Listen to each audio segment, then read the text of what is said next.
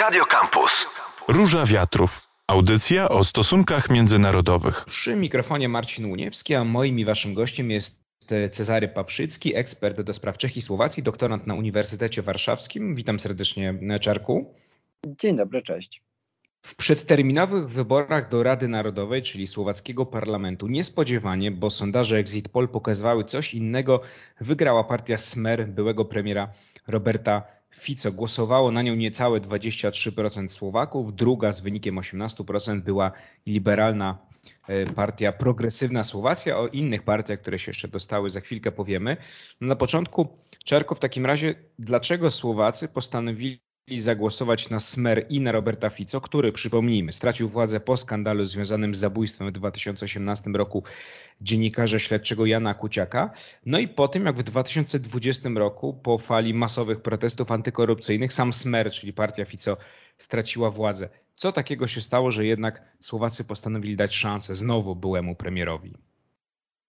Rzeczywiście, Fico zniknął e, de facto z polityki takiej pierwszoplanowej w roku 2018. On wtedy jest zmuszony do tego, żeby e, ten fotel premiera opuścić po masowych protestach, po um, całej dyskusji wokół zabójstwa Jana Kuciaka.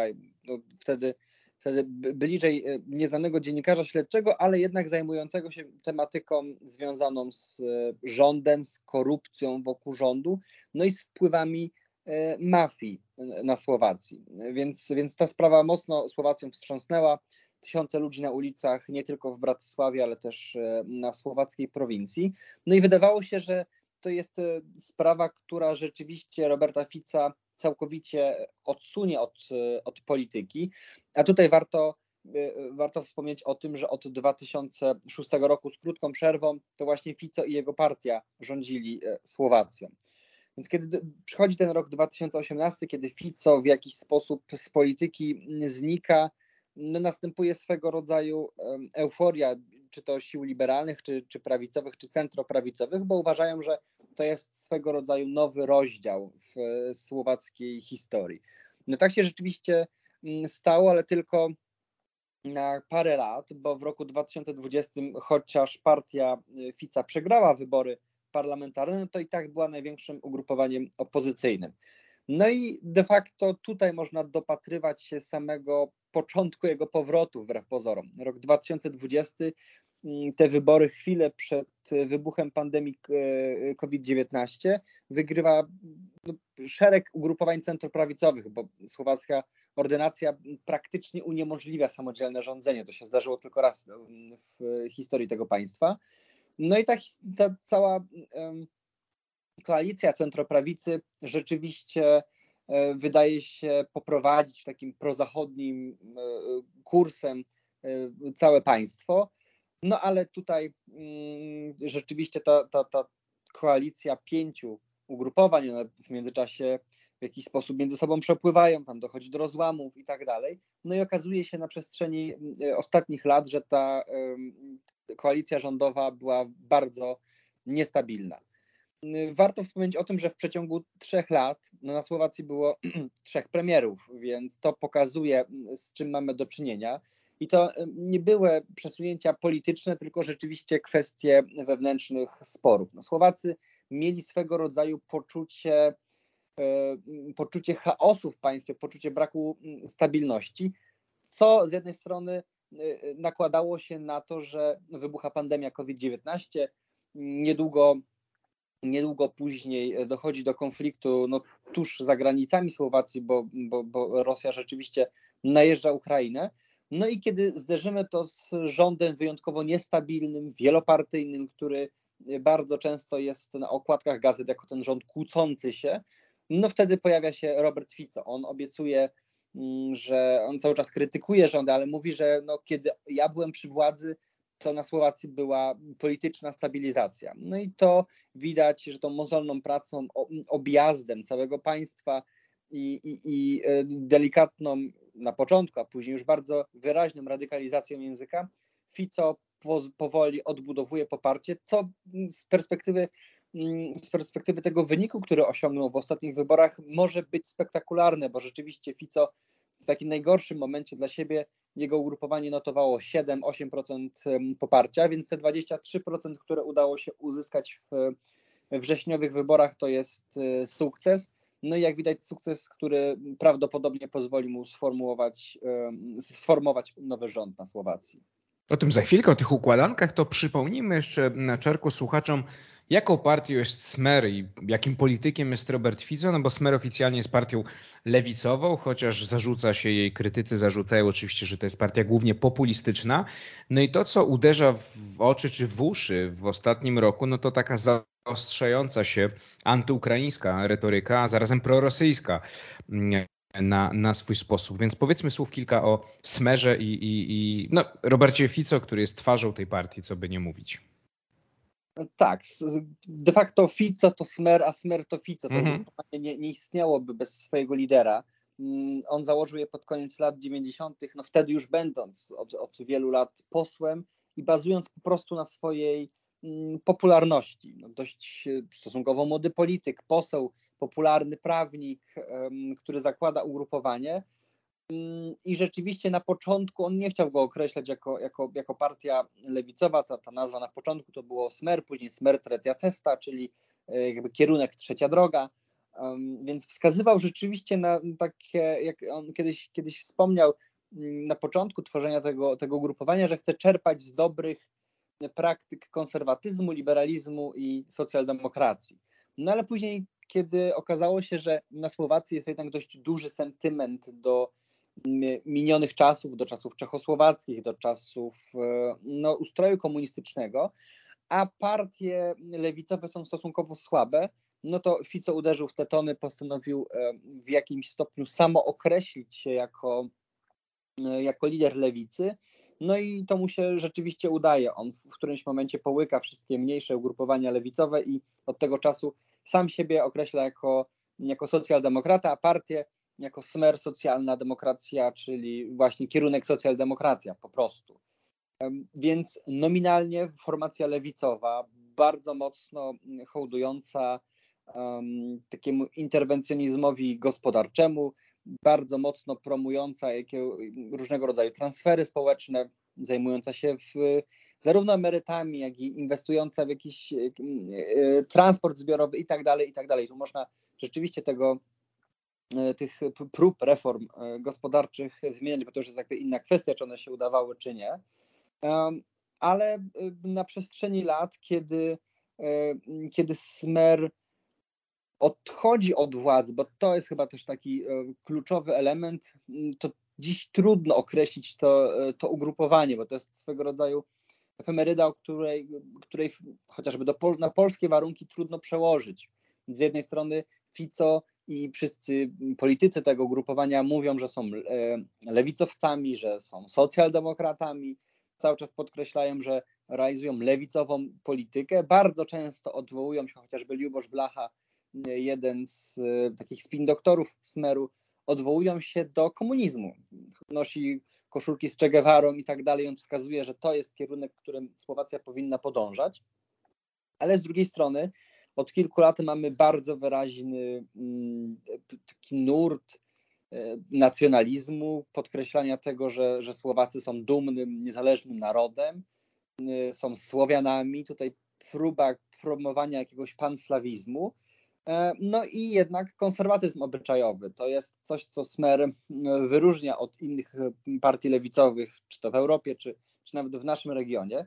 Więc trudno to określić. Gdybym, gdybym miał to spróbować przełożyć na jakieś polskie warunki, to wydaje mi się, że najbliżej tego ideowego kompa- na tym ideowym kompasie najbliżej była polska samobrona e, swego czasu.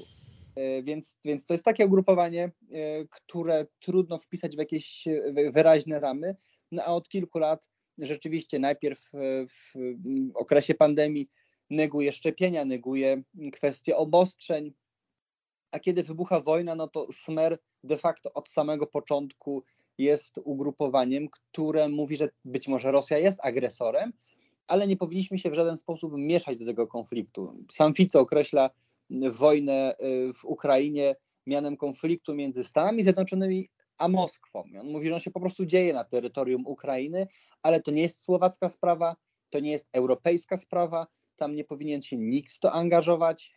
No i od samego początku rzuca mm, takimi hasłami mocno populistycznymi, co jest ciekawe o tyle, że kiedy przyjrzymy się nawet partiom w regionie, które w jakimś stopniu są prorosyjskie, no to one jednak starały się mm, tonować te nastroje, starały się na początku e, wybuchu wojny w jakiś sposób e, odcinać od tych swoich prorosyjskich ciągot.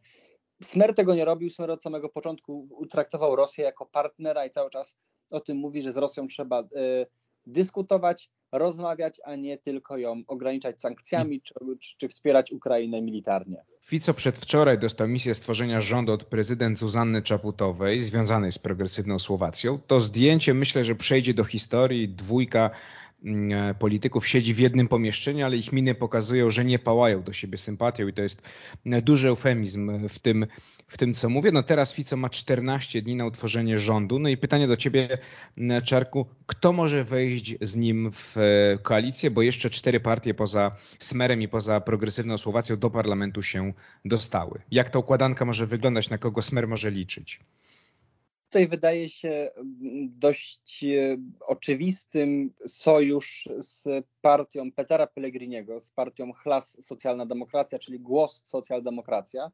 No i kiedy przyjrzymy się historii tego ugrupowania, to jest to de facto e, kontynuacja mm, czy, czy pewnego rodzaju odgałęzienie Smeru, bo Peter Pellegrini rzeczywiście bazując, no tak jak wcześniej Fico, bazując na własnej popularności, dokonał w roku 2020 rozłamu w Smerze, i wyprowadził część posłów, zakładając swoje ugrupowanie. On wtedy wskazywał na z jednej strony mm, zbyt wyraźną postać Fica, a z drugiej e, odwoływał się i, i, mówił, że chce budować rzeczywiście europejską socjaldemokrację, partię centrolewicową, partię, która będzie hołdowała wartościom europejskim i tak dalej, i tak dalej. Więc tutaj wydaje się, że Chlas i Peter Pellegrini, który cały czas jest y, na, na czele tych sondaży popularności, jeżeli chodzi o indywidualnych polityków. Wydaje się, że on jest takim kingmakerem teraz słowackiej polityki, bo co ciekawe, na Słowacji rzeczywiście ta zdolność koalicyjna jest bardzo szeroka. Tam de facto każdy może rządzić z każdym, bo zawsze znajdzie jakieś e, punkty wspólne. Więc wydaje się, że Smer, później e, Chlas i Peter Pellegrini. No i brakuje tego trzeciego ugrupowania. Tym wydaje się, y, szczególnie po tych pierwszych dniach, że będzie Słowacka Partia Narodowa, czyli dość y, nieduże ugrupowanie nacjonalistyczne. Bardzo egzotyczny klub poselski, raptem 10 posłów, tylko jeden z nich należy do, do samej partii, to jest lider tego ugrupowania. Cała reszta to są osoby po prostu wprowadzone z list tej partii, no ale są niezbędne do tego, żeby utworzyć koalicję, koalicję rządową. Co prawda są medialne um, informacje, pojawiają się medialne komentarze, czy też zapewnienia z strony e, liberałów, że będą starali się zrobić wszystko, aby Ficy nie dopuścić do władzy, no ale to wymagałoby z jednej strony czteropartyjnej koalicji, a te, jak pokazała przeszłość, są bardzo niestabilne, mm, do po prostu porażki negocjacyjnej Smeru, co też wydaje się mm, trudne, szczególnie, że Fico ma to pierwszeństwo w kreowaniu rządu. Więc wydaje się, że ten przyszły rząd to będzie rząd populistów, narodowców i socjaldemokratów, jakkolwiek ta koalicja wydaje się y, z naszej perspektywy egzotyczna. No, nawet, nawet bardzo. E, jeśli Fico stworzy rząd i zostanie premierem, no to pytanie, myślę, kluczowe, jak może się zmienić polityka Słowacji. Ostatnio Fico zapowiedział, że Smer opuści Europejską Partię Socjalistów w Europarlamencie, jeśli będzie ona e, na nim wymuszała wsparcie dla Ukrainy. Czy Słowacja może się stać trochę takimi drugimi Węgrami, które bywają nazywane koniem trojańskim Putina, czy sam Orban jest nazywany koniem trojańskim Putina?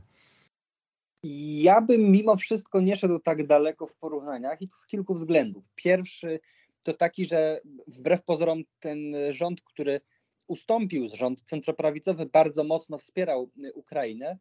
No i de facto on przekazał już, co Słowacja mogła przekazać. Więc to jest pierwsza sprawa, y, czyli te postulaty y, i to głośne mówienie Ficy, że na Ukrainę nie trafił żaden nabój ze Słowacji i tak dalej, wydaje się być trochę na wyrost, ponieważ Słowacja rzeczywiście już nie, niewiele ma co przekazywać. Więc to jest jedna sprawa. Druga, czy Fico w ogóle będzie premierem? To też jest pytanie, mm, bo jeżeli Peter Pellegrini jako ten rozdający de facto karty, jako kluczowy koalicjant, jeżeli będzie grał ostro, to nie jest wykluczone, że on będzie przyszłym premierem i on będzie starał się w jakiś sposób e, w tej koalicji dowodzić, na co Fico musiałby pójść. No i zresztą ten scenariusz już przerabialiśmy w przeszłości. No wtedy też ustąpił, żeby Pellegrini, wtedy jeszcze w smerze, mógł być premierem kraju. Więc być może wycofa się na ten tylny fotel i to też w jakimś stopniu by ten, ten rząd y, sprawiałoby, że ten rząd będzie bardziej umiarkowany. No i trzecia sprawa, na którą warto zwrócić uwagę, mm, tak jak wspominałem, ta słowacka ordynacja, cały system wyborczy na Słowacji jest skonstruowany tak, że on de facto uniemożliwia jednopartyjne rządzenie mm, y, krajem. Tym przypadku, jeżeli to będzie trójpartyjna koalicja, to nie będzie dawała takich możliwości, jakie ma czy to Prawo i Sprawiedliwość w Polsce, czy Fidesz y, na Węgrzech, bo po prostu nie będzie miał takiej stabilnej większości, będzie dwójka koalicjantów, takich realnych koalicjantów, z którymi trzeba się liczyć i którzy mogą, wystarczy, że nie przyjdą na głosowanie i już wtedy bardzo łatwo cały rząd storpedować. Więc z tej perspektywy wydaje się, że y, możliwości Fica będą bardzo ograniczone, ale jednocześnie y, nie wykluczałbym tego, że Fico, co też wygrażał w przeszłości będzie blokował jakikolwiek formalny akces Ukrainy, czy to do Unii Europejskiej, czy do NATO. I może torpedować rzeczywiście kwestie, no, jakieś kwestie formalne, wiadomo, że to są procesy długoletnie, ale on może je bardzo, bardzo wstrzymywać, szczególnie, że już na początku całej swojej jakby na początku tej nowej kadencji parlamentu, czy, czy chwilę po wyborach, Fico już zapowiedział, że to będzie na pewno cała kadencja. On nie ma zamiaru w żaden sposób prowadzić do przyspieszonych wyborów, chce rządzić stabilnie, więc jeżeli będzie rządził rzeczywiście przez całe 4 lata, no to można spodziewać się, że przez te 4 lata będzie na forum międzynarodowym w jakimś stopniu torpedował Ukrainę dyplomatycznie. O polityce zagranicznej powiedzieliśmy, czego mogą się spodziewać Słowacy, jeśli chodzi o politykę wewnętrzną. Oczywiście powiedziałeś, że to będzie koalicja, więc Smer nie będzie miał decydującej, decydującego głosu, nie będzie tutaj mm, jednowładztwo czy rząd jednej partii. No ale właśnie, czy to może być powrót do tej polityki takiej bardzo dużego interwencjonizmu państwowego, do pewnych transferów socjalnych, czym, czym tak jak mówiłeś, no Smer czy Fico zasłynął wcześniej? Y, tego można być pewnym, bo zarówno, te, y, zarówno Smer, jak i Chlas czy Słowacka Partia Narodowa, wszystkie trzy z tych ugrupowań wskazywały y, w trakcie kampanii i, jak, i cały czas w swoich programach uwypuklały kwestie transferów społecznych, kwestie tego, żeby państwo w jakimś stopniu otoczyło opieką Słowaków. No, kiedy miałem okazję przyglądać się tej kampanii z bliska przez tydzień w Bratysławie i w innych miastach Słowacji, to rzeczywiście było widać, że na początku e, e, kampanii Chlas i Peter Pellegrini mocno stawiali na to, na takie hasła socjalne, tak, czyli że obiecywali silny sztat, silne państwo i jakby wskazywali, że to są ich priorytety gospodarcze, więc tego można spodziewać się na pewno. Sam Fico też zwrócił się z takim jakby apelem przez, przez media do zachodnich inwestorów, to, to też się odbiło dość dużym echem. On powiedział, że powiedział, że ta e, era politycznego folkloru się zaraz skończy. Tutaj z jednej strony miał na myśli centroprawicę, dość niestabilną, z drugiej strony kampanię wyborczą i on mówił, że kiedy, kiedy on wróci do władzy, no to nastąpi swego rodzaju stabilizacja, zarówno jeżeli chodzi o uchwalanie prawa, jak i stabilizacja polityczna i, i jak najbardziej zachęca do tego, żeby ci zachodni inwestorzy w, mogli w, na Słowacji e, z powrotem inwestować, co, co bardzo widać w Bratysławie. No, to, to miasto rzeczywiście mocno się na przestrzeni ostatnich lat y, zmieniło pod tym kątem.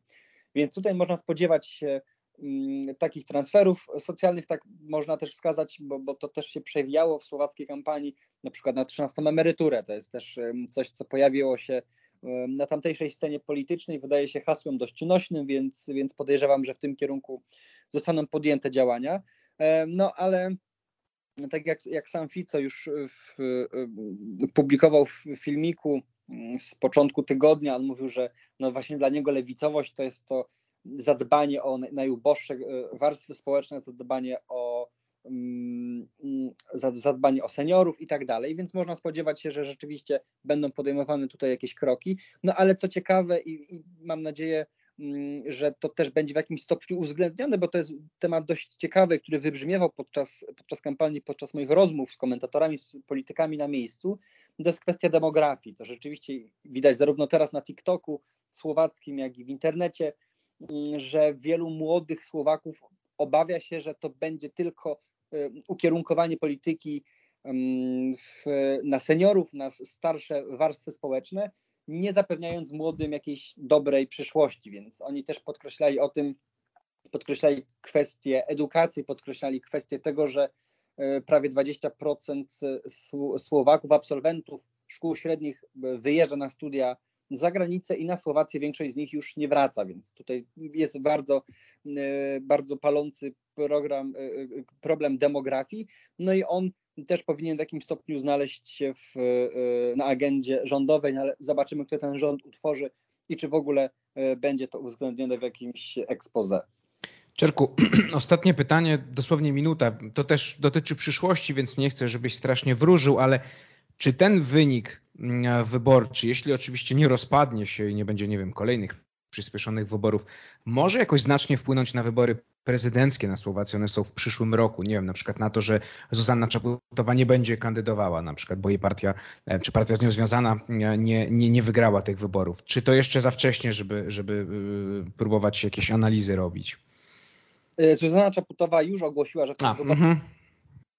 Więc rzeczywiście no tak. Mhm. otwiera, otwiera, się dość duże pole do manewru. No i tutaj też są, pojawiają się już medialne spekulacje a propos zarówno obecnej koalicji rządowej, jak i możliwych wyborów prezydenckich i kwestii tego, że popularny Peter Pellegrini, który ma wysokie y, sondaże zaufania, może objąć na parę miesięcy funkcję szefa parlamentu w koalicyjnym rządzie, tylko i wyłącznie po to, żeby zbudować sobie jeszcze bardziej swoją pozycję i jako wspólny kandydat y, rządowy, Hlasu, Smeru i tak dalej, wystartować w wyborach prezydenckich i wtedy tej koalicji udałoby się mm, objąć jakby te dwie najważniejsze Mm, teki, czyli z jednej strony Fico byłby premierem, z drugiej Pellegrini prezydentem, więc takiego scenariusza nie można wykluczyć, a nawet bym powiedział, że jest bardzo realistyczny. Cezary Paprzycki, ekspert do spraw Czech e, i Słowacji, doktorant Uniwersytetu Warszawskiego, był moim i waszym gościem w Radio Campus. Bardzo dziękuję Czarku za rozmowę. Dziękuję. To była audycja Róże Wiatrów. Ja się nazywam Marcin Uniewski, a my się słyszymy oczywiście w środę za tydzień. Radio Campus.